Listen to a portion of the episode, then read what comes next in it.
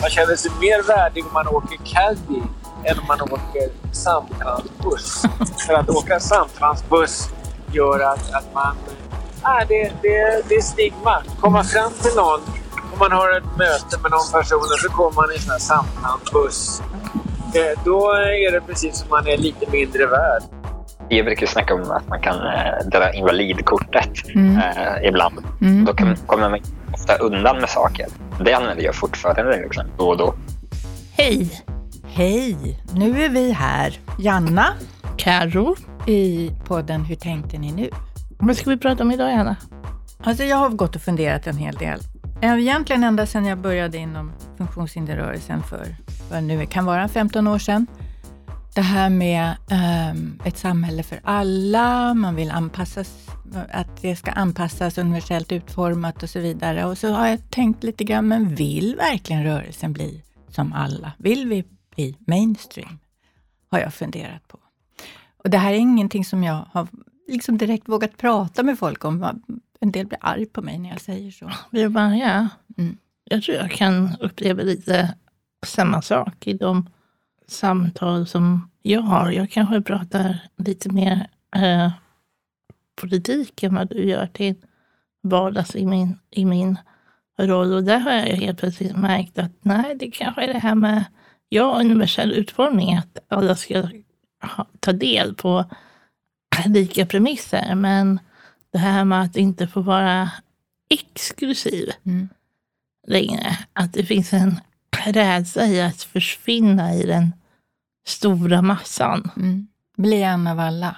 Det är ju någonting som är naturligt. Jag är ju en av alla. Och ju mm. äldre jag blir, desto mer försvinner jag i synlighets, synlighetsradarn. Fast det, eh. det, det, kommer inte vara så länge, för ni kommer vara så himla många. Ja, vi kommer bli, ja, det, fast, det är ni som kommer utgöra alla. Ja, det kan vara så. Men jag är inte där än. Inte. Nej, än så länge. Men det är lite det här att, ja just det, exklusiviteten eh, att vara lite utanför och kräva sina rättigheter, kräva sin handikappplats, kräva sin assistans, kräva och så vidare. Och det har man ju fått göra i ganska många år. Mm. Alltså, har, har, det gjort, har det gjort den till en kravmaskin? Är det en del av eh, det man är och blir för mm. att få vara en del av funktionshinderrörelsen? Och de som inte är en del av funktionshinderrörelsen. Vad är det då? då? Vilka är de? Är de, är de redan alla? Är de alla eller är de en annan exklusiv?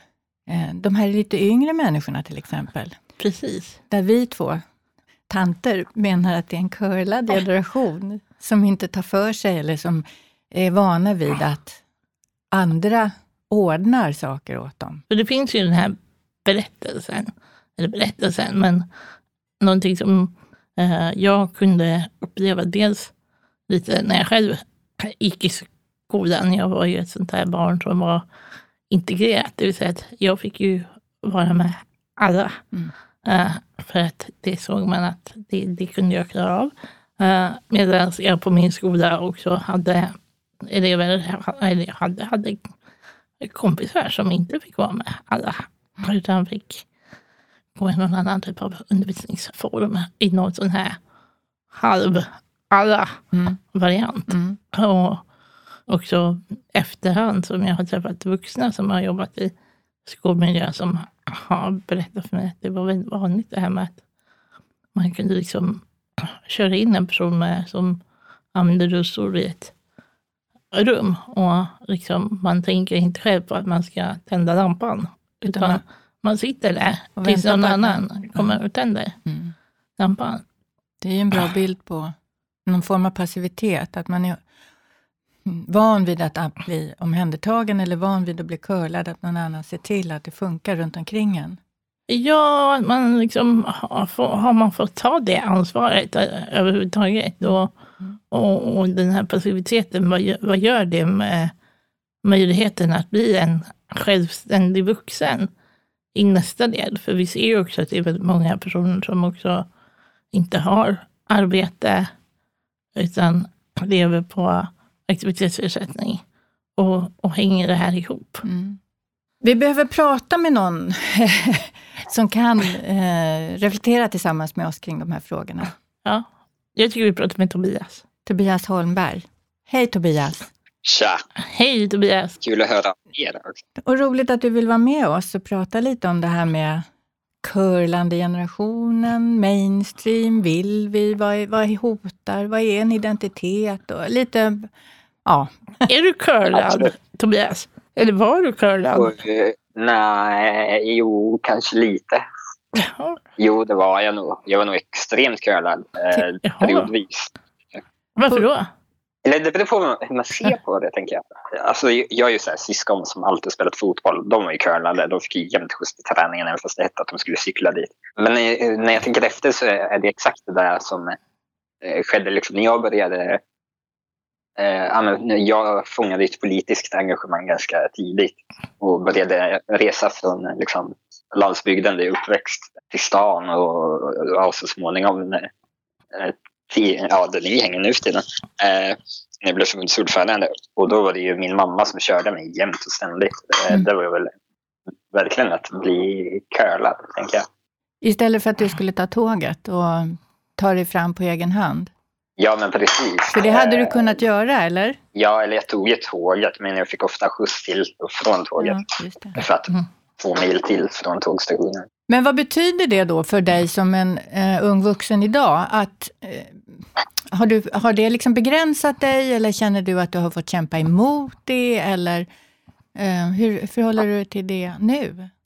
Men mitt liv hade aldrig gått ihop när jag var liksom 17 och började pendla på veckobasis till Stockholm. Liksom. Eh, om inte min mamma hade hämtat mig sena kvällar och eh, Mm. kört mig tidigt på morgonen. Mm.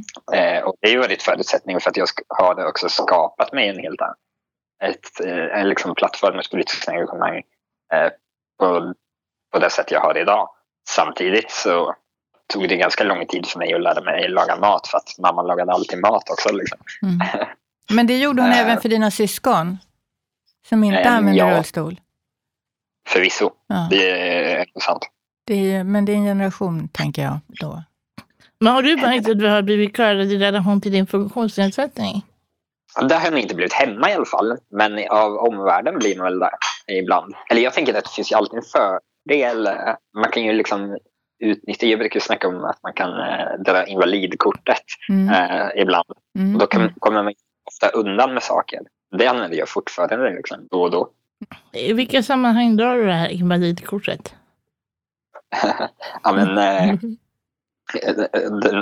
mest frekvent förekommande på senare tid är väl Stockholms tunnelbana. Aha. Eh, jag plankar ju liksom alltid. Eh, Hur då? och, eh, ja, det kan man ju fråga sig. Blir du mördad av de här spärrarna? nej, det är där invalidkortet kommer in. Liksom. Jaha. För spärrvakterna öppnar ju spärrarna Oavsett om du men- har visat kortet eller inte? oavsett om jag visat kortet eller inte. Okej. Ja, Mm. Men vad betyder det då om man tänker den här exklusiviteten, man drar invalidkortet eller sjukdomsvinsten som man kan dra och använda. Eh, om man nu skulle ha ett samhälle som, där alla var på lika villkor på något vis. Vad skulle det innebära då? då kan, det finns ju inget, eh, någon exklusivitet i det sammanhanget. Vad skulle det betyda? Om man tänker. Det skulle ju betyda att det var lite större ansträngning för mig att ta mig igenom tunnelbanespärren. Men jag tänker också att den mer hårdragna gränsen och där skulle ju också vara att tunnelbanespärren skulle inte existera eftersom den bara fungerar för att exkludera människor. Ja. Om man skulle liksom verkligen hårdskruva det här så tänker jag att så länge man äger invalidkortet eller sjukdomsvinsten eller vad man nu vill kalla det. Mm. Eh, Så länge man liksom tar kommandot över det och det är jag som använder det för att dra nytta så tänker jag att det är liksom ett sätt att eh, tackla ett samhällssystem och, som eh, motverkar den. Liksom. Någon jävla liksom, eh, fördel som man vill ha när man liksom är ständigt förtryckt och diskriminerad och eh, har noll tillgång till arbetsmarknaden och, och så vidare och så vidare och så vidare. Liksom. Mm. Eh, då kan det väl vara okej att man får planka i tunnelbanan. Men tänker du då att det är liksom din, din omgivning eller liksom de samhällsstrukturerna som har skapat att du använder det här invalidkortet eller sjukdomsvinsten? Eller hade, hade du gjort det ändå, tror du? Bara för att du kan? Ja, förmodligen. Jag tror att alla människor eh, mer eller mindre liksom drar de enkla vägarna och drar nytta av vad vara den de är. Alltså jag tänker så här, eh, vita män är ju största, nu är jag också vit man, men vita normfungerande medelålders män som sitter i bolagsstyrelser, eh, de är ju definitionen av män eller personer som liksom drar nytta av den de är för att komma dit de har kommit. Mm. Eh, de skulle aldrig erkänna det, de skulle aldrig prata om att de har dragit det vita mannen-kortet. Eh, men det är exakt det de har gjort för att komma dit. Så jag tänker att det handlar om, ja, men, eh, man kan liksom ta kommandot över det här. Eh, och därmed är man inte curlad utan man tar nytta av det. Liksom. Men, men om man tänker det här att du redan från början eh, blev så att säga curlad hemifrån, hemma, liksom dina syskon. Och så småningom när du kommer ut i ett samhälle där man blir på något sätt curlad, till exempel att de här tunnelbanespärrvakterna curlar dig i någon mening genom att släppa igenom, därför att de inte riktigt vet att det handlar om en attityd också, att du är lite exklusiv eller annars eller någonting sånt, att man inte riktigt vågar gå på dig och säga hallå Mm. där. Vad skapar det för identitet? Att man är någon form av exklusiv identitet? eh, Eller, ja, förstår du vad jag är ute efter? Att, att din identitet som utanför eller någonting liknande, som alltid hela tiden emot eller någon är emot? Jag är väl definitionen av en person som har byggt min identitet kring just det. Eh, mm, på många sätt. Men jag tänker att liksom, ja, de facto är ju att det är så på gott och ont. Liksom. Man har ju exklusiviteten och liksom, den positiva särbehandlingen. Mm. Men man har ju också ständiga liksom, utsattheten eh, från, från samhället och som liksom förföljt hela min uppväxt. Och men, ja, växer man upp med en funktionsnedsättning så, så eh, blir det liksom fråntagen. Eh, Du kanske blir curlad på vissa sätt, liksom. Mm. Eh, men du är också fråntagen makten över din kropp på väldigt många sätt. Jag gissar att många som växer upp med funktionsnedsättning har långt mycket mer erfarenhet av sjukvården än vad jag har. Mm. Men jag har ju liksom, genom hela mitt liv varit med om människor som tar kommandot över min kropp Mm. och mitt, mitt liksom, liv. Så jag tänker att ja, det är, ju- det är ju både och liksom, samtidigt. Då är det klart att det sker någonting med, med identitetsskapandet kring det. Men vi har ju pratat lite om att vi, vi känner en viss rädsla för rörelsen. För, för den rollen av den här dubbelheten som du beskriver, den är man ju van vid. Den har ju funnits hos personer med funktionsnedsättning som är aktiva i den rörelse vi har varit eller är aktiva i nu också eh, under väldigt lång tid. Kan du känna igen den här beskrivningen av att det finns en, en rädsla att släppa på den här dubbelheten i, i identitet eh, med just fördelarna både av sjukdomsvinst och eh, utsattheten? så här som jag uppfattar det så finns det väl, alltså det finns väl en rädsla att släppa liksom, om man ska säga fördelarna eller liksom de saker man kan dra nytta av till förmån. Eller man vill, man vill inte släppa på det mot att man bara får behålla allt skit men liksom inte någonting som blir positivt. Mm. Så jag tänker, eh, eh, färdtjänstdebatten eh, är i mina ögon många gånger en sån debatt.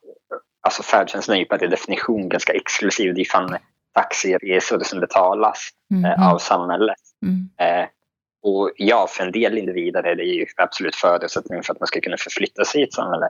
För många som är liknande mig eh, så finns det ju helt andra förutsättningar idag än för bara några år sedan att resa med den vanliga kollektivtrafiken. Mm. Jag har inte haft färdtjänst på över tio år och det funkar helt okej att ta sig runt.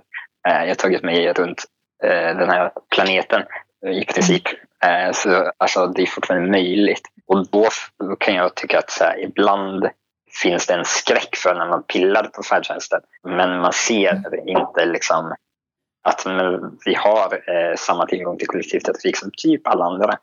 Sen vet jag att det, det, jag vill därmed inte, med risk för att Stockholms eh, lokalpolitiker skulle lyssna på det här eller något, jag skulle inte säga eh, den, den politiken de för är en bra lösning. Eh, men eh, jag tycker det är det som sker i liksom den debatten.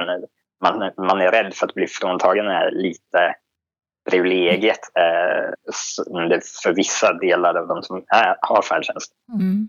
Jag kan tycka att det är. För, men, men, men samtidigt är det så här, det är inte där konflikten ligger. För det är fortfarande så att vi är strukturellt diskriminerade i det här samhället. Liksom. Och då kan vi fan få åka färdtjänst. Ja, Tobias. Eh, det där tyckte jag var en spännande ingång. Jag ja. tycker det var ja, intressant det där. Ja, vi, vi är jätteglada att du vill vara med och prata med oss. De blev säkert jättearga nu för att jag hatar färdtjänst. Ja, ja, det är väl jättekul. Vi kommer hänga ut dig som färdtjänsthatare nu. Vi, ja, vi tar bort jag... det här med att Tobias dinkörade 30-åringen, utan nu kör vi liksom färdtjänsthataren Tobias. Ja, men tack för att du ville vara med. Ha det så bra Tobias. Detsamma. Jag tycker det Tobias sa som var intressant här på slutet handlade om det här med han ser det som ett privilegium. Och, och det tycker jag är intressant. För, för gör han det för att vi har blivit införstådda med att vi ska se det som ett privilegium. Att det, det är en förmån mm. som, som människor tar för givet. Reflekterar du över huruvida du kan använda kollektivtrafiken eller inte? Nej. Det gör du ju inte. Nej. Nej. Men jag ser det som ett privilegium att jag kan. Mm. Och, och, redan där blir det ju skevt. Mm. Redan där får ju vi en, en, en skillnad i hur vi ser på oss själva och hur vi ser på varann.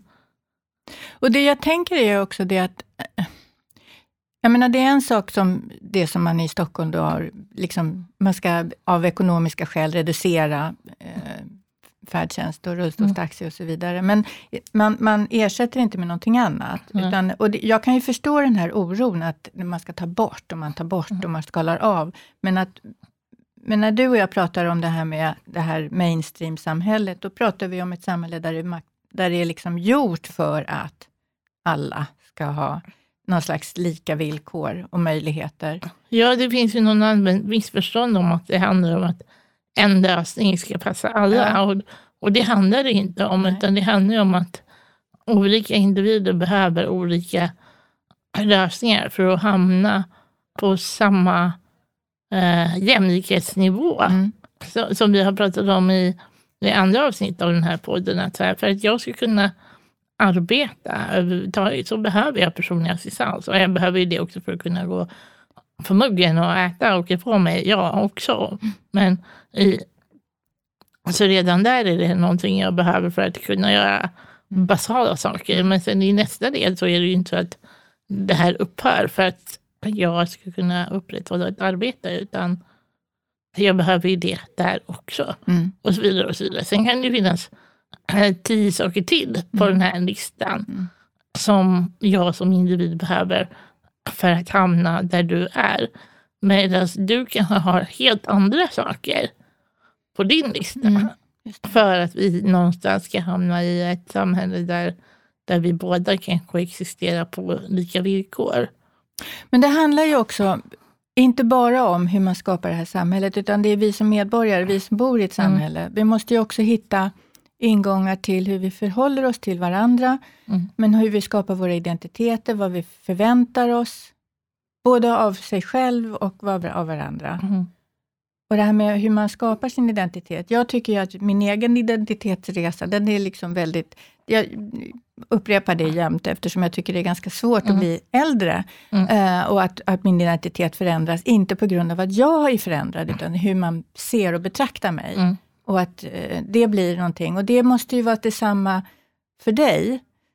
Fast utifrån andra sätt att se på dig. Man ser på dig på ett sätt som du inte förhåller dig till själv. Nej, precis. Och, och för mig tror jag den stora skillnaden när jag kom till om när man ska göra någon typ av frigörelseprocess. Mm. Från att inte längre vara barn mm. till att vara ung vuxen mm. eller ung. Mm. Att det var då jag någonstans insåg att min omgivning särbehandlade mig och mm. fortsätter behandla mig kanske väldigt mycket som ett barn. Mm. Eh, och när jag var barn så andra behandlades vi ju som barn, så då såg jag inte det lika tydligt som jag såg um, när jag blev äldre. Så min revolt blev ju så extrem mm. på, på alla plan. eh, för, för att verkligen frigöra mig från allt på en och samma gång och, och markera. Och, och, och blev nästan tvungen att vara övertydlig Mm. i, i saker som en, många andra tog som för givet. Mm. För det, jag tycker det är intressant det här med, jag har lyssnat och läst en hel del kring det här med identitet och identitetsskapande. Och vi har ju pratat en del om det här med vem man är Mm. som en person med funktionsnedsättning, är liksom utifrån sett och vem, är, vem som definierar Mm. en människa. Precis. Och det här är ju spännande, så jag tänkte, vad säger du om att vi pratar med någon som lite på ett mer filosofiskt plan kan diskutera det här? Vi har ringt till Claes Hultling, läkare och filosof, som sitter på en båt på Medelhavet. Hej Claes! Hej! Vad kul att vi kunde få ringa dig fast du har dåligt väder och eh, egentligen inte alls har tid att prata med oss. Men nu tänkte vi ändå prata om det här med identitet och vem skapar en identitet? Och lite grann också med din historia som var en person innan din olycka och nu är en annan. Är det så? Är det så? Absolut så blev jag en annan person. Jag var 30 år och arbetade som narkosläkare på Karolinska. Och sen den 31 maj 1984 så dök jag på en sten och krossade min sjätte halskota. Och blev ju förlamad ifrån axlarna och ner. Och då blev jag en annan människa på ett sätt. Även om jag fortfarande hade naturligtvis samma ande, samma själ. Men att, att leva med ett sånt gravt funktionshinder det, det kräver sina attribut. Blev din identitet också omskapad av det omgivande samhället? Absolut. När man inte kan utgöra del av ett, liksom ett normativt samhälle utan man är tvingad att använda rullstol och man är tvingad att vidta ganska många åtgärder för att kunna leva så eh, blir det ett stigma som man måste leva med. Och då får man förhålla sig till detta stigma på ett så bra sätt som möjligt för att kunna ta sig från dag till dag. Vem är det som skapar den här identiteten då? Det här, det här stigmat och identiteten. Är det du eller är det eller någon slags kombo av dig själv och det som är runt omkring dig? Eller hur, vad är det som händer? När, Jag tror, du, det kan vara, eh, ja, jag tror att det kan vara en kombination av det faktum att, att många personer hävdar ju då med en fas också, vilket jag också gör, att man bryter inte själen för att man bryter nacken. Men samtidigt så kan man inte bortse från det faktum att eh, det, det kräver så pass mycket av individen för att klara det här dag till dag. eh, När man måste leva med så otroligt mycket umbäranden som det innebär att leva med ett så gravt funktionshinder. Och det är inte bara omvärlden som eh, bidrar till detta utan det är också personen själv som har att förhålla sig till detta. Och då kan man ju välja att försöka hantera det på ett, på ett så framåtsyftande sätt som möjligt eller också så regrederar man och, och blir bara förbannad och introvert och, och drar sig tillbaka. men de människor som föds med en funktionsnedsättning möter ju du också antar jag? Som, som, Ja, eh, alltså vad är alltså de människor skillnaden tänker jag? Eh, att då, för då har man ju liksom redan från början vad ska jag säga, definierats av andra men också av sig själv. Man har Ja, aldrig skill- haft den här ja, 30 år innan. Skillnaden är stor. Ja. Föds man med ett funktionshinder så har ju omvärlden bidragit till att, så här, befästa en del av den här stigmatiseringen. Och det kan man ju märka väldigt tydligt på det faktum att barn som föds med ett ryggmärgsbråck eller myelomeninkocele eller spina bifida eh, de kommer att ha en annan attityd visavi sig själva, visavi sin omvärld. Eh, den riktiga och korrekta iakttagelsen är ju att ett, liv som har präglats av habilitering och som har präglats av det faktum att självförtroende och självkänsla inte har identifierats eller uppmärksammats på ett enligt mitt förmenande tillräckligt bra sätt. Har gjort att många av de här personerna verkligen har blivit präglade utav sitt handikapp på ett sätt som de inte skulle behöva ha blivit präglade av om säga, samhället runt omkring hade varit mer, mer tillåtande och mer bejakande. Va- Varför är du ute och seglar, Claes? Varför är jag ute och seglar? Jo, det är väl så här att jag är uppväxt med båt sedan jag var jätteliten. Och har, har känt en dragning till hav och vatten och segel och vind och den frihet som det innebär att sitta i en liten segelbåt. Och det här är verkligen en liten segelbåt. Den är 7,2 meter lång. Det är en folkbåt. Ja. Nordisk folkbåt. Den vanligaste båten som segelbåtar finns. Tillverkad i 4000 exemplar. Den första båten byggdes på 40-talet. Och eh, det är den garanterat minsta båten på Medelhavet. Och, eh, den, men den har en massa charm och den har en massa själ. Och den är också tillfixad så att den funkar för mina behov. Men för att koppla tillbaka lite till det vi pratade om. Vi ville, Ja. vi ville förklara varför varför det kluckar omkring dig. För våra, för våra lyssnare. Så att de inte tror att du sitter hemma i badkaret utan att du Ja, faktiskt är ute på havet. Eh, Men för vi har pratat lite med Tobias här innan och kom in på det här med att se sig själv som eh, i, i sammanhang där man kan använda kollektivtrafiken eller eh, där, där saker och ting flyter på trots att man har en funktionsnedsättning så ser man sig själv som privilegierad. Vilket jag tycker är intressant utifrån det här med identitet och självbild. För det är så att hjärnan går omkring och ser sig själv, eller jag förutsätter av det jag känner av hjärnan, att hon inte går omkring och känner sig privilegierad för att hon kan åka med kollektivtrafiken. Till exempel. Medan då Tobias menar på att han är det i relation till att han inte behöver använda färdtjänst till exempel. Eh, och och det, det är också ganska intressant utifrån identitet.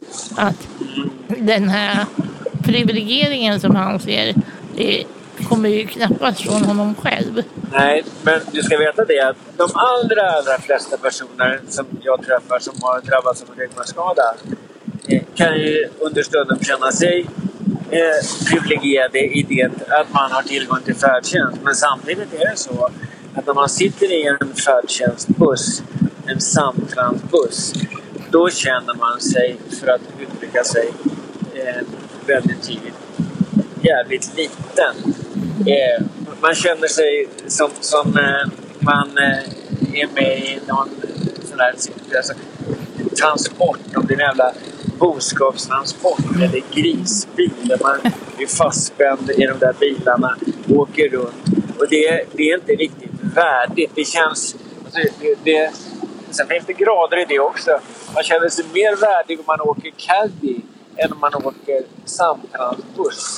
För att åka samtransbuss gör att, att man...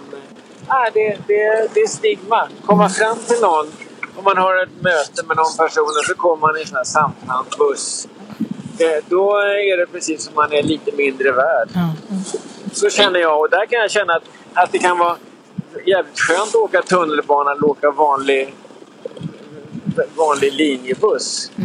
Och att det, det, det, är bättre och mer värdigt. Och eh, att eh, det är många gånger en aspekt som inte har belysts eller eh, tagits höjd för när man har diskuterat hur man överhuvudtaget transportlösningar.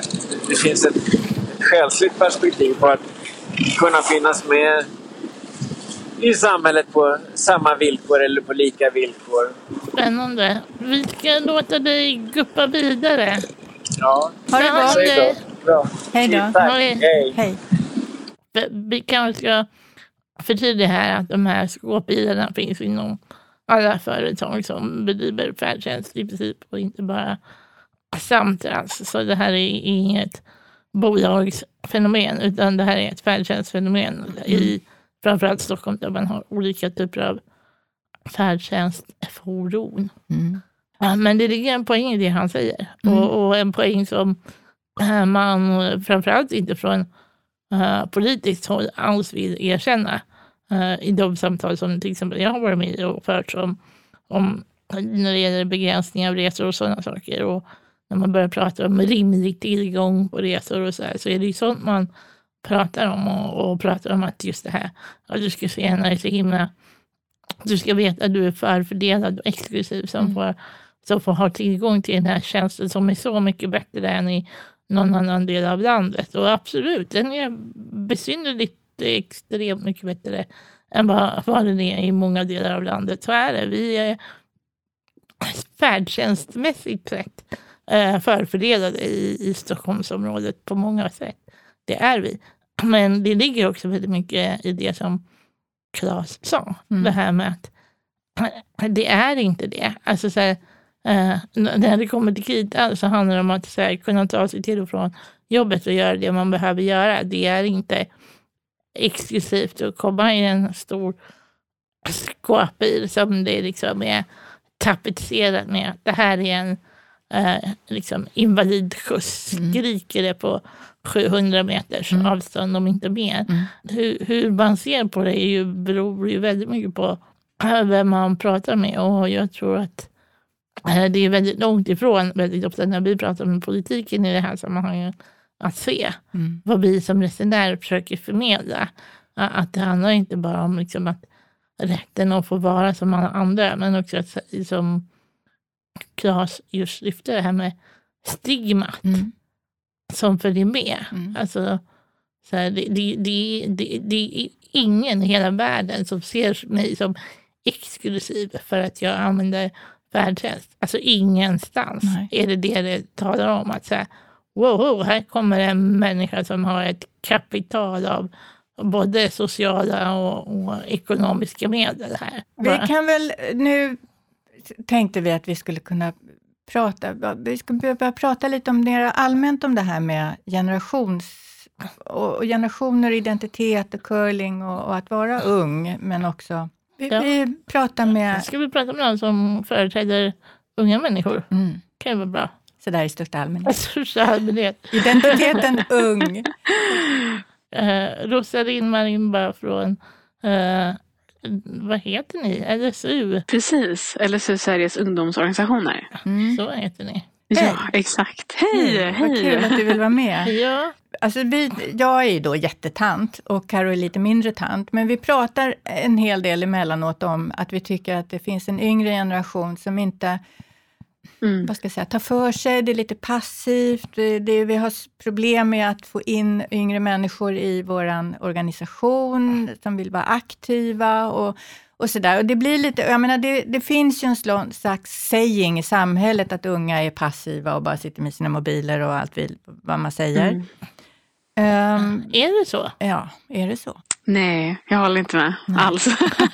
Vilken överraskning, eller hur? Eller precis. Nej då, men jag håller inte med alls. Och det är inte bara liksom rent så här, eh, hur ska jag säga, eh, normativt. utan Det, det finns också siffror nu och det har gjorts undersökningar. En, den senaste liksom, som MUCF, Myndigheten för ungdoms och civilsamhällesfrågor, har tagit fram om eh, ungdomars attityder. Mm. Och där ser man att fler och fler unga eh, engagerar sig politiskt och här, tycker till och tar ansvar. Mm. Och för mig är det exakt motsatsen då eh, till den här passiva bilden som, som mycket, alltså hur ska jag säga, eh, filmer och liksom, alltså det är, en, det är en bild som har målats upp och nästan, till, inte till viss del, eller så det kanske har tolkats som en självuppfyllande profetia så, men jag håller inte med utan det här är en generation som tar ansvar Mm. eh, som, som eh, när, när inga andra gjorde det, allt ifrån klimatfrågan, klimatkrisen Mm. till, till liksom, eh, social rättvisa Mm. och mycket, mycket mer. Men så tycker jag det finns en skillnad mellan att liksom vara passiv och eh, kanske lat och att vara curlad. Så. Mm. Kan du utveckla det? Unga, som är ju en, unga är ju, och även barn är liksom en marginaliserad grupp i vårt samhälle. Mm. Och jag tror att om vi känner oss curlade så tror jag att man inte är det. Jag tror att man inte bara har, alltså jag tänker att ingen vet ju om ens rättigheter för man fått känna dem. Mm. Eh, och att det är svårt att jämföra med de som är i centrum. Alltså de som har absolut den största makten istället för vi, alltså vi som finns i marginalerna. Och det, eh, utan liksom tolkningsföreträde för, för, för andra grupper så, liksom, så, så tror jag att det kan tillämpas eh, även på fler.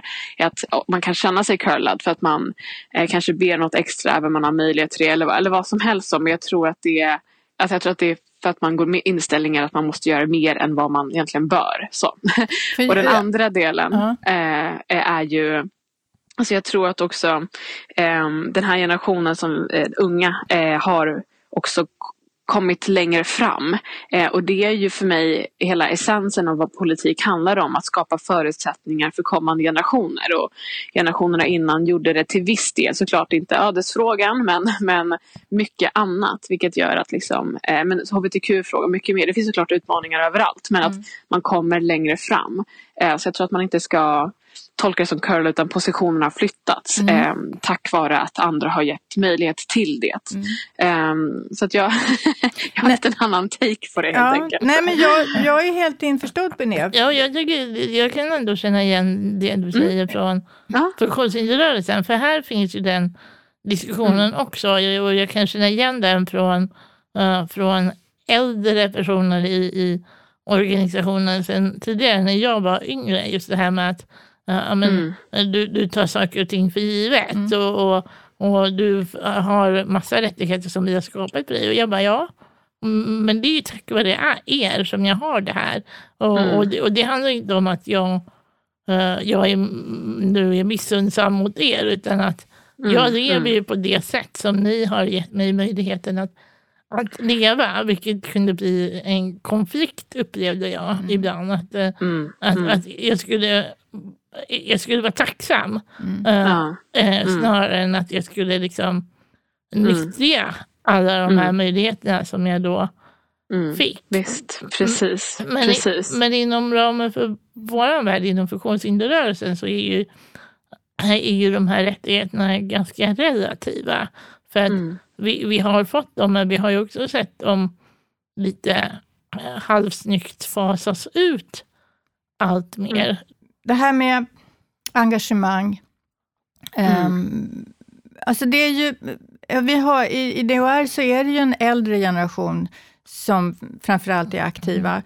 Ehm, och då, man pratar om att unga inte kommer in och man inte engagerar Men det handlar om ett annat, en annan typ av engagemang, att det är ett annat förhållningssätt till demokrati också.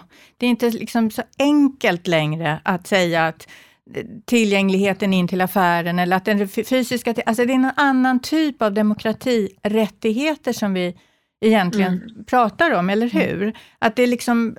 eh, Ja, förstår du vad jag är ute efter? Att det är en annan typ av sätt att engagera sig som den yngre generationen ehm, behöver eller att ta för sig av eller någonting annat. Alltså, Ja, Mm. alltså det, jag, när jag är ute och pratar så blir det ofta att jag får väldigt ofta tillbaka det, att de unga vill inte. Och jag Mm. då har också läst den här rapporten som eh, myndigheten har gjort och, och jag liksom hävdar att det är inte sant. Unga Mm, människor har aldrig varit så engagerade som de är idag. Jag tänker om eh, meningen eh, unga vill inte kommer från unga själv, då ska man ta det på allvar. Men Mm. om det kommer från någon annan, Ja. Det är som att, alltså, det, det- är det- som att jag skulle svara för dig. Så, Ja. Nej men, men du vill inte. Nej, Alltså, just jag tror det. att det är bättre. För det handlar ju om att man inte känner får du- igen. Man känner inte Mm. igen det Mm. engagemanget. Det är det jag är ute efter. Att, att det är liksom den konflikten som det handlar om. Um, om man kan mötas i det på något sätt. Och jag vet, och vi håller ju på hela tiden och försöker hitta liksom, ingångar i hur ska man... Men jag Mm. tänker, du, du måste ju märka från eh, all- alla de ungdomar du träffar att ert tillträde är också begränsat, misstänker Mm. jag, i, i, i vad ni får tillgång till och vad ni får för utrymme att eh, ta positioner också, antar jag. Att, att det handlar om ett, eh, en, en gemensam ett möte här, att dels våga eh, att, Mm. att våga mötas någonstans. Mm. Att man från de äldre generationerna öppnar upp och vill, vill att ni ska vara del och, och, och, ha någonting att erbjuda. Samtidigt Mm. som ni måste se en attraktion i, i det Mm. som finns och det vi, den erfarenhet som Mm. finns. Och det, alltså, jag, jag tänker också så här, för att föreningsformen är fortfarande något många unga engagerar sig Alltså det är fortfarande äh, i utveckling och det växer. Men också alla andra former av politiskt engagemang, aktivism, alltså äh, även på nätet, äh, nätverk, an, andra former av organiseringar på något sätt. Mm. Men, men föreningsformen är fortfarande en Eh, och, men också, inte bara något man engagerar sig och blir större utan också någonting som många andra former utvecklas till att bli sen. Mm. Eh, för att den är, den är långsiktig på ett annat sätt. Mm. Eh, det jag tror är viktigt liksom, om man vill ha det här intergenerationella mm. samtalet, för jag tror att det är det ni vill, för mötesplatser sker. Mm. Jag tror det är intergenerationella som är också så oerhört viktigt för att kunna ta ett gemensamt ansvar. Med eh, interna- intergenerationella menar du att generationer möts? Ja, exakt. Ja, mm. precis. För jag tror att det är det som kanske när du har frågat så är det kanske ja, men, eh, vuxna eller äldre som, som svarar på det. Mm. Eh, för att det finns en, en vilja att mötas. Eh, och jag tror att där behöver man ju höra till, till alla sidor. Alltså, eh, äldre, alltså så här, pensionärer, det är ju också en marginaliserad grupp så, mm. med, med särskilda mm. behov och, mm. med, och unga. Så, men vad är det, vilka frågor vill de då driva? Mm. Liksom? Mm. Finns det, är det, vilken typ av fråga är det? För jag tror också det kan handla om information också. Eh, mm. Det kan vara en hjärtefråga att liksom ha en, ramp in till en affär som man kan köpa. Alltså så. Mm. Det, det, jag tror att det inte... Men det handlar om att, liksom, att sätta agendan tillsammans och mm. att liksom, eh, på ett meningsfullt sätt eh, göra det också. Eh, för då, då man känner att okay, det här är någonting jag brinner för i det här sammanhanget så vill man ju såklart liksom vara kvar där mm. Och istället för att tvinga på, eller inte tvinga på men alltså att det här, det här är det vi gör och det får ni förhålla er till. Och tror att det är liksom, då, då blir det nog inte, inte det internationella utan då blir det liksom någon form av eh, integration istället. um, men det var ett bra avslut tycker jag. Därför att, ja. Det var det faktiskt. Det var, ja, det är bra. Vi landar i det tycker jag. Mm. Tack för din input. Ja. Bästa. Tack så jättemycket själv och lycka till. Vi hörs så länge. Ha det gott. Det gör vi. Ha det, gott. Ha det hej, fint. Hej. Hej. hej. Mm. Ja, men det, det, det som Rosalind säger som, är, som jag tycker är så viktigt om man återkopplar till det här med universell utformning mm. är ju just den här samskapande processen. Mm. Att eh, vi har inte rätt, någon av oss, att definiera åt den andra vad vi tycker är roligt och vad vi tycker är engagemang och vad vi ska engagera oss i, utan vi måste hitta de här sakerna tillsammans. Mm. Och, och jag tror att det är en förändring som vi eh, självklart som organisation också behöver göra. Mm. Att här, vi, vi kan inte bara säga att det här är vad vi erbjuder, ingenting annat. Vill du inte ha det här så, så får du ingenting annat. Mm. Utan hur hittar vi tillsammans eh, andra sätt också. Mm. Inte att vi ska utesluta eh, härliga, fantastiska DHR på det sätt vi är idag, men förnya oss samtidigt. Förnya oss samtidigt, bjuda in och inte med armbågen utan bjuda in på riktigt. Nej. Och det handlar ju om att eh, vi som kollektivet DHR också behöver jobba med vår identitet. Mm. Snyggt! Det var mycket snyggt, Karo. Eller hur? Och jag behövde inte fundera på hur du tänkte nu, utan nu tyckte jag att det var glasklart. Det var skönt. Mm. Det var ju bra. Det var någon kanske del i det här programmet som var det, får vi väl säga. Ja, nej, men vi har vi flummat fram och tillbaka lite här. Det har böljat lite, men det har varit en spännande, ett spännande samtal, flera spännande samtal tycker jag. Okej, vi får se vad nästa avsnitt handlar om. Det vet vi inte än. Det vet vi inte än. Men Så det vi, blir en happy surprise. Vi kommer tillbaka. Det kan vi lova. Det gör vi. Ha det gott så länge. Hej då. Hur tänkte ni nu? är en podd från DHR. Ansvarig utgivare, Janna Olsson. Hur tänkte ni nu produceras av Filt Hinterland för DHR.